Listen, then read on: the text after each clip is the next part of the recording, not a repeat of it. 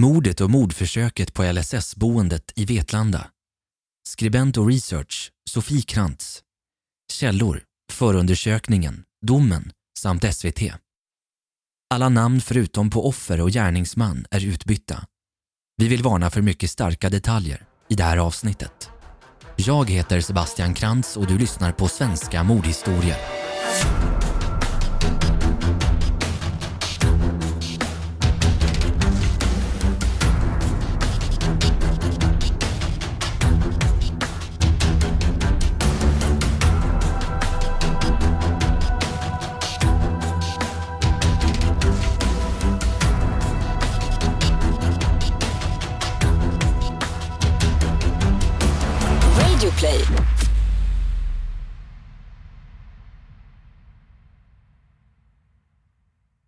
Strax innan klockan 02.00 natten till tisdag den 20 februari 2018 så får polisen information om att ett grovt brott har begåtts på en adress i Vetlanda i Småland. Ingen kunde vid den här tidpunkten ana att Vetlanda, en liten ort som tillhör Jönköpings län med cirka 14 000 invånare, skulle förknippas med ett brutalt mord och ett mordförsök. När polisen anländer till platsen så möts de av en syn som aldrig skulle lämna deras näthinnor. En ung kvinna, 21 år gammal, ligger på golvet i hennes eget badrum, knivhuggen till döds. Och i vardagsrummet, en liten bit ifrån henne, ligger hennes tre år äldre syster, svårt skadad. På platsen finns också gärningsmannen, en 25-årig man som visar sig vara den 21-åriga kvinnans granne. Och i det här skedet kunde man aldrig ana vad som för oss andra känns som en fullständig bagatellsak har eskalerat och fått förödande konsekvenser. Motivet? Grannsosämja. Ja, så här lät det när polisen grep den misstänkta mördaren i Vetlanda den 20 februari. Den nu mordåtalade mannen ringde själv SOS Alarm och berättade vad som hänt bara minuter efter händelsen. SOS 112 har inträffat. Hej. Hej. Hej. eh, jag, vet, jag har dödat min granne. Har du Jag dödat din granne? Ja, jag står ute och väntar på er. En polisoperatör fortsatte prata med honom i 15 minuter innan poliserna kom till platsen och grep honom. Och efter det kunde också ambulansen köra fram och hjälpa de två kvinnorna i lägenheten. En av dem var skadad av knivhugg och den andra hade avlidit efter ett stort antal knivhugg. Återupplivningsförsöken av henne blev kortvariga. Enligt åtalet hade ett stort antal knivhugg orsakat henne hela 130 sår. Hon och den misstänkta mördaren var grannar. Hon bodde på kommunens LSS-boende och han i en lägenhet. Han tyckte att hon gjorde för mycket ljud och det gjorde honom galen. Flera gånger har han kontaktat bostadsbolaget för att få flytta. Han har upprepade gånger ringt vaktbolaget och enligt uppgifter i polisens utredning ska han samma natt ha ringt polisen för att få hjälp och sagt att om ingen gör något tänker han ta saken i egna händer.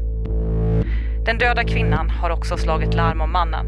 LSS-handläggarna på kommunen kände till konflikten mellan dem och har berättat för flera i sin närhet att de var rädd för honom.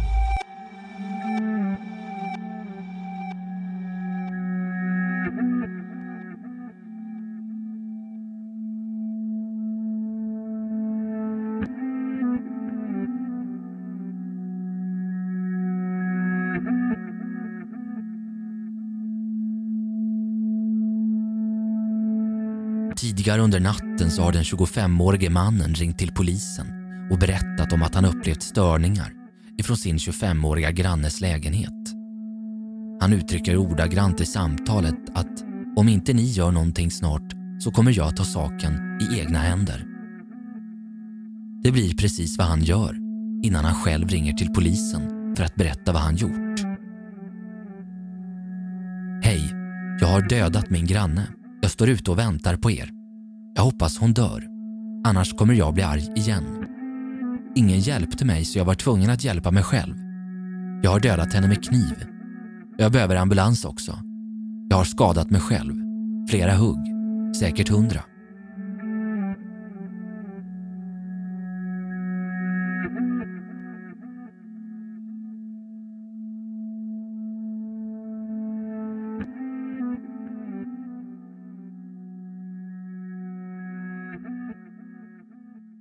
Det 15 minuter långa larmsamtalet säger mannen, vars namn är Rebar, att han huggit kvinnan med kniv flera gånger, att det är kallt ute där han står och väntar på polisen.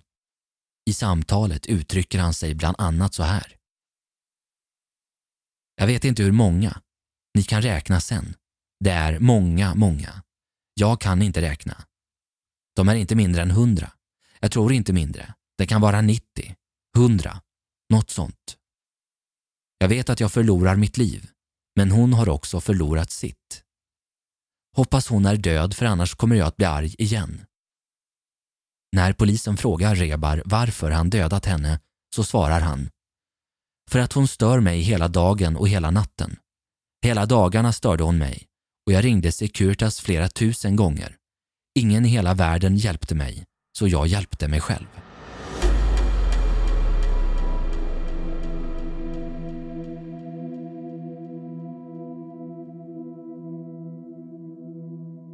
Sommaren 2017 så börjar 21-åriga Amanda hamna lite snett i livet. Det börjar med att hon dras till och umgås med människor som håller på med droger. När hösten kommer samma år så börjar hon må mycket dåligt och i oktober 2017 så försöker hon ta sitt eget liv. Under den här tiden så får hon stöd och man beslutar att hon ska få en lägenhet på ett stödboende. En bidragande faktor till Amandas psykiska mående är en händelse som utspelar sig under 2016 då hon träffar en kille som hon har ett förhållande med. Han angriper sig på henne och hotar henne till livet vilket resulterar i en polisanmälan. Den då 21-åriga Amanda bodde under den här tiden och framåt i en lägenhet på ett LSS-boende. Lagen om stöd och service för vissa funktionshindrade. I bostadslängan på Lasarettvägen i Vetlanda finns både LSS-boendet inhyrt och vanliga lägenheter som hyrs ut på vanligt vis. Anledningen till att hon har en plats på boendet är för att hon är omyndigförklarad. Hon är hyperaktiv och utreds gällande ADHD. Där får hon hjälp med ekonomin samt att handla. Personalen skötte även till viss del utdelning av medicinerna som hon var i behov av, men hon hade även en god man. Bland annat så deltog de tillsammans i ett projekt som heter Comeback för att hjälpa sådana som inte fullbordat sin gymnasieutbildning utan exempelvis hoppat av, vilket Amanda hade gjort. Projektet syftar till att hjälpa till med fortsatt utbildning, jobb eller praktikplats. På så vis så får Amanda en plats på Coop Konsum i oktober 2017. Familj och vänner beskriver henne som glad och omtyckt men också mycket naiv, som trodde gott om alla. Hon umgicks ofta med olika personer, även sådana som hon inte kände. Hon beskrivs också som mycket speciell, barnslig till sättet och med en oförmåga att hantera sina kärleksbekymmer. Trots det här så verkar hon under slutet av 2017 träffa någon som var snäll och bra för henne. Förutom hennes olika umgängen så är Amanda mycket tajt med sin tre år äldre syster Lisa. Under hela livet med undantag för kortare perioder då de blivit osams så var de oskiljaktiga och mer som tvillingar än systrar. Men trots att systrarna ibland kunde bli osams med sin mamma så hade Amanda mest kontakt med henne och hon brukade ibland komma över och sova över i lägenheten på Lasarettgatan.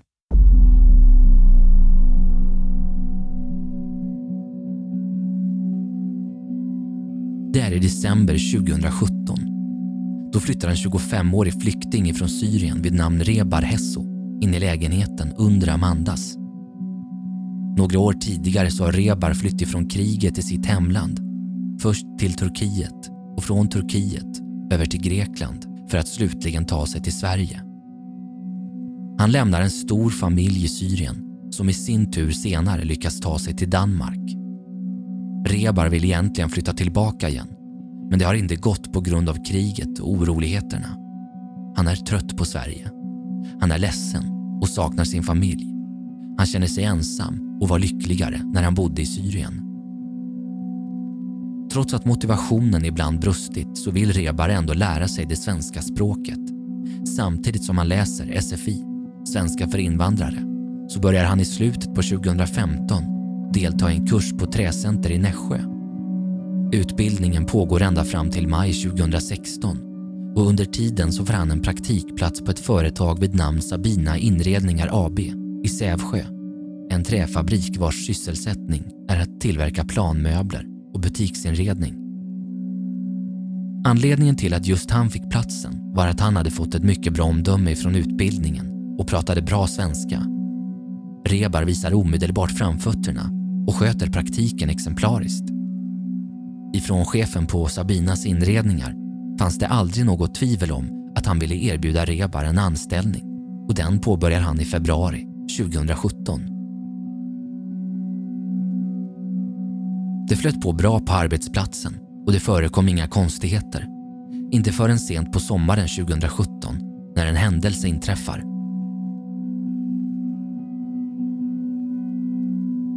En ny anställd hyrdes in till företaget ifrån ett bemanningsföretag vid namn Vikan Personal. Personen i fråga heter Abdul och kommer likt Rebar ifrån Syrien. Av den enkla anledningen att Abdul och Rebar var landsmän placerades de båda två till att arbeta tillsammans. Dels med anledning av att Rebar skulle kunna hjälpa sin kollega att lära sig men därutöver för att Rebar redan hade goda språkkunskaper i svenska.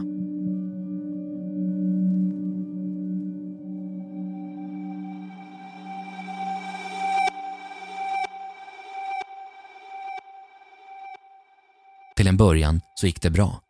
Men efter cirka en månad så började det uppstå konflikter. Till en början var det mest verbala dispyter mellan kollegorna. En dag hamnar männen i bråk med varandra. De blir så pass osams att de börjar greppa tag i varandra så att chefen får sära på dem. Under den här tiden så märker flera att Rebars temperament och övriga beteenden verkar instabila. Efter bråket med kollegan är han arg och uttrycker att han hade kunnat sticka en kniv i Abdul. Efter händelsen fungerade inte samarbetet mellan kollegorna alls och de fick arbeta vid olika avdelningar. Med anledning av att arbetsplatsen är relativt liten så gick det inte att avgränsa dem helt ifrån varandra. Så småningom valde Rebar att säga upp sig självmant men arbetade ut sin uppsägningstid, vilket var en månad. Rebar uppger att den huvudsakliga anledningen till att han inte ville jobba kvar var på grund av att han inte kunde arbeta vid samma arbetsplats som Abdul, vilket vissa personer tyckte var ganska skönt. Trots att Rebar egentligen var väldigt duktig på sitt jobb eftersom att de varit lite rädda för honom. Under tiden som Rebar befunnit sig i Sverige så har han lärt känna ett fåtal personer. Han upplevs mest som en ensamvarg med ett konservativt tänk. Han lever mycket isolerad i sin nya lägenhet.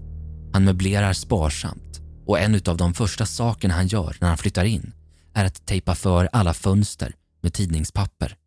Han vill inte att någon ska ha insyn.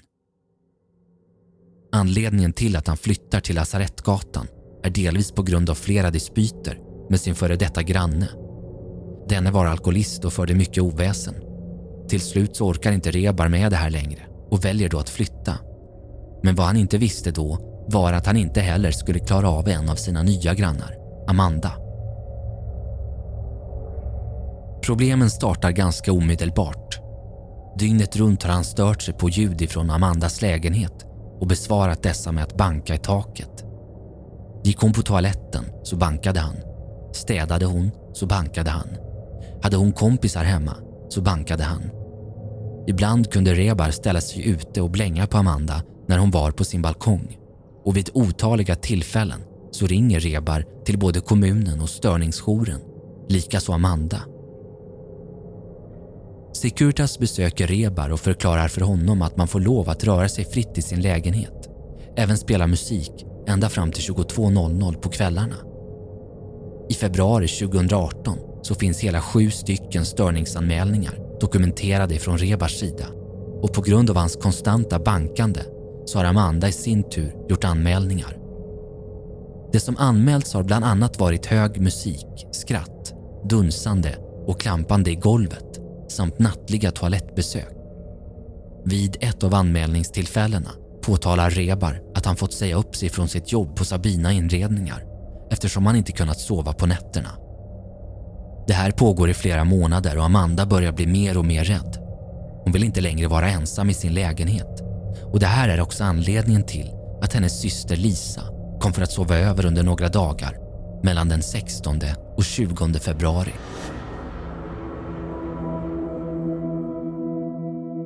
De hade bestämt innan att de skulle gå ut och festa under helgen. Men på fredagen är Amanda, Lisa och Amandas pojkvän David bara hemma. Under kvällen hör de ingenting ifrån Rebar, men det skulle bli annat under lördagen. Utestället de bestämt sig för blir Vetlanda hotell. Förfesten ska hållas i Amandas lägenhet. Men under förmiddagen så börjar de med att åka iväg till Växjö för att handla på ett ställe som heter Grand Samarkand. När de kommer tillbaka till Vetlanda igen gör tjejerna sig i ordning inför kvällen. Men festen hinner knappt börja innan Securitas kommer och knackar på dörren och förklarar att de fått in ett samtal om störningar samt att de måste sänka musiken. Istället för att bråka om saken förflyttar sig sällskapet till Amandas vän och granne Tobias. Därefter går de till hotellet. Amanda, pojkvännen och Lisa blir trötta och hungriga ganska tidigt så de väljer att avsluta kvällen med ett besök på McDonalds innan de går hem till lägenheten och lägger sig.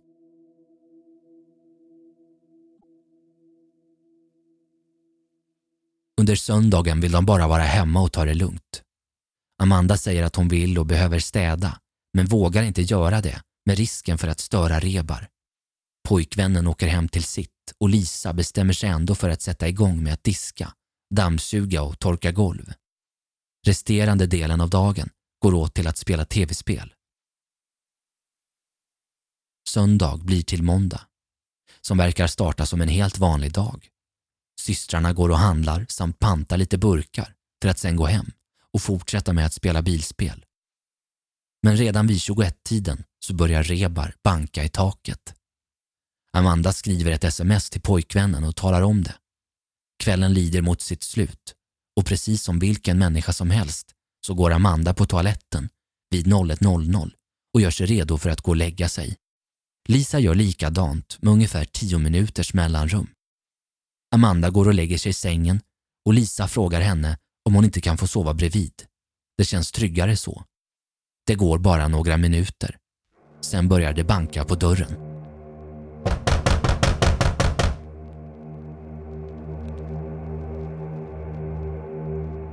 Tjejerna förstår direkt vem det måste vara och blir livrädda.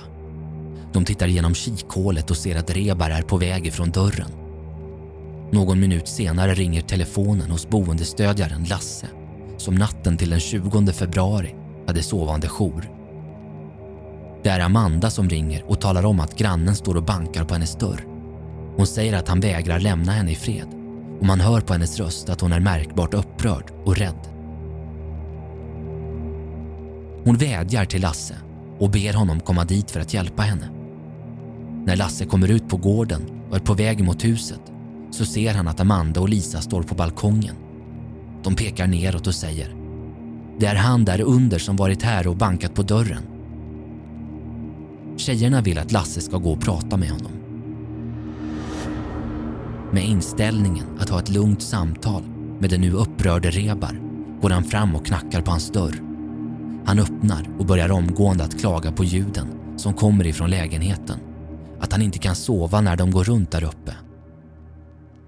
Systrarna som fortfarande står kvar på balkongen och hör varenda ord som sägs skriker. Men åk hem då istället. Rebar besvarar uppmaningen med orden Det fixar vi innan han hastigt springer in i lägenheten igen. Det dröjer inte mer än några sekunder innan han rusar ut genom dörren med en smal köttkniv i handen. Han tar tag i Lasses arm och börjar vifta med kniven framför hans ansikte. Lasse som blir chockad och rädd får bara ut orden “Men jag sa ingenting”. Då släpper Rebar hans arm och springer emot trapphuset för att ta sig upp till Amandas lägenhet. Lasse springer i sin tur och låser in sig för att kunna ringa polisen. Tyvärr ska det redan vara för sent. Allting går fort. Amanda och Lisa är där inne i lägenheten igen och har inte sett att Rebar sprungit ut med en kniv i handen. Amanda är inne på toaletten och Lisa står ute i hallen när de plötsligt hör att glas krossas. Det flyger glassplitter överallt och det hinner träffa Lisa innan hon instinktivt springer in på toaletten. Men systrarna är inte tillräckligt starka för att hålla emot dörren under Rebars vredesutbrott. Han hinner stoppa sin fot emellan och han lyckas ta sig in i badrummet. Utan att blinka hugger han Lisa vid nyckelbenet och den går rakt ner i lungan. Han fortsätter med att sparka henne. Lisa försöker skydda sin syster men får ett slag över ansiktet och ramlar med näsan före in i väggen och hamnar i fosterställning. Rebar har tagit sig fram till Amanda, hans egentliga måltavla. Hon skriker efter hjälp, men med besinningslös våld hugger han henne i halsen och i ryggen. Blodet forsar ner i duschsilen och hon fortsätter skrika på hjälp. Förlåt mig. Snälla hjälp. Men Rebar stannar inte av en enda sekund. Det enda han säger är “för sent”. Det är redan för sent. Innan han slutligen skär halsen av henne. Det sista hon säger innan hon faller är aj. Nej, aj. Hennes kropp hamnar precis bredvid Lisas som nu insett att hon måste spela död för att överleva. Hon förstår att hennes syster är utom all räddning. Rebar har nu gjort det han tagit sig in i lägenheten för att göra. Nu kan Amanda inte störa honom längre. Innan han lämnar badrummet säger han “Hoppas du är död nu din jävel” och rusar därifrån. När Lisa vågar röra på sig försöker hon desperat få liv i sin syster. Men det ska dröja hela 40 minuter innan polisen anländer till platsen. Under den långa väntan i badrummet ringer Lasse. Han pratar med Lisa ända fram tills ambulansen är på plats. Under tiden som gått så har Rebar själv ringt in till polisen.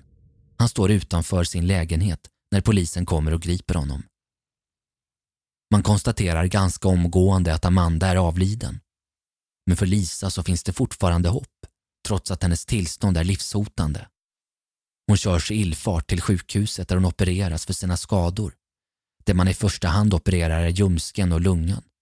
Hon överlever mirakulöst och har därför kunnat redogöra för vad som hände under natten till den 20 februari 2018. Hon har än idag problem med smärtor i armen, revbenen och har svårt att andas genom näsan. Efter händelsen så har hon varit intagen på en psykavdelning, har konstanta självmordstankar och vill skada sig själv. Hon drömmer mardrömmar och vågar aldrig sova ensam. Under det första förhöret erkänner Rebar omgående att han är skyldig till mordet på Amanda och mordförsöket på Lisa. Däremot så nekar han till grovt olaga hot emot Lasse. Han menar på att han aldrig tänkt skada honom. Det var inte honom som han ville åt. I förhören uppger han att han på grund av alla störningar och otaliga samtal till Securitas samt även till polisen fick nog. Under kvällen den 19 februari höll han på att bli galen. Det hände någonting i honom som kändes som att han förvandlades till ett vilt djur. När förhörsledaren frågar honom om hur han känner inför det han gjort i efterhand svarar han att han känner sig glad med ett lugn i kroppen. Det enda han tänker på är att han vill röka en cigarett. Han tänker inte på vad han gjort. Under utredningens gång håller polisen flertalet förhör med andra grannar som bodde i nära anslutning till Amandas lägenhet. Ingen av de här har någonsin uppfattat några direkta störningar ifrån varken henne eller eventuella besökare. Det enda någon av dem egentligen reagerat på är att Securitas varit där och då på grund av att Reba ringt och klagat. Tre dagar efter mordet häktas Rebar på sannolika skäl misstänkt för mord, försök till mord samt olaga hot och cirka tre månader senare väcks åtalet. Där den 1 juni 2018. Då inleds tingsrättsförhandlingarna i Eksjö tingsrätt. I rättssalen upplevs Rebar som oberörd och lugn. Han rör inte en min när åklagaren spelar upp larmsamtalet som Lasse gjorde till SOS Alarm där han förtvivlat förklarar situationen. Rättsmedicinalverket kommer fram till, efter att Rebar genomgått en rättspsykiatrisk undersökning, att han led av en allvarlig psykisk störning och rekommenderar därför att han döms till rättspsykiatrisk vård med särskild utskrivningsprövning istället för fängelse. Enligt obduktionen så har Amanda i sin tur fått hela 130 knivhugg. Några särskilda knivhugg har på olika platser trängt in i kroppen och orsakat svåra inre skador och blödningar på vitala organ. Hon har förblött. Mycket tyder på att Amanda redan var medvetslös eller möjligen redan död när hon knivhuggs i ryggen. Det var fokus på att mota han. Få min syster som jag skulle rädda så långt det gick. Men tyvärr kunde jag inte göra mer än vad jag gjorde. När jag bara kippade efter andan och försöker vara tyst. Mm. Jag fattar inte ens att jag sitter här idag. Nej. Jag kunde lika väl vara död jag med. Säger hon någonting till grannen? Mm. Hjälp, eh, förlåt. Förlåt mig. Det är för sent, säger grannen. Det är redan för sent. Ser du någonting då? Nej, jag hör bara. Du hör bara. Jag känner hans ben. Eller hennes ben mot mitt när han står där och hugger henne. Säger han någonting då? Vet jag inte, jag hör bara innan han går. Jag hoppas du är död din jävel, du ska dö. Den 11 juni avslutas tingsrättsförhandlingarna och åklagaren yrkar på att Rebar ska dömas till livstidsfängelse och utvisning. Och så blir också fallet. Tingsrätten bedömer att det föreligger synnerliga skäl att döma till fängelse även om han enligt det rättspsykiatriska utlåtandet både vid tiden för dådet och vid tiden för undersökningen led av en allvarlig psykisk störning. Han ska också betala 218 000 kronor i skadestånd till systern som skadades allvarligt vid händelsen, men som överlevde. Han döms även att betala skadestånd på 10 000 kronor till den anställde, alltså Lasse, som jobbade på LSS-boendet under mordnatten. Domen överklagas. Den 5 oktober 2018 fastställer Göta hovrätt livstidsstraffet samt utvisningen. Rebars advokat Uno uppger samma dag att hans klient är mycket besviken och att de ska överklaga och begära prövningstillstånd till Högsta domstolen. Tack för att du har lyssnat på Svenska mordhistorier.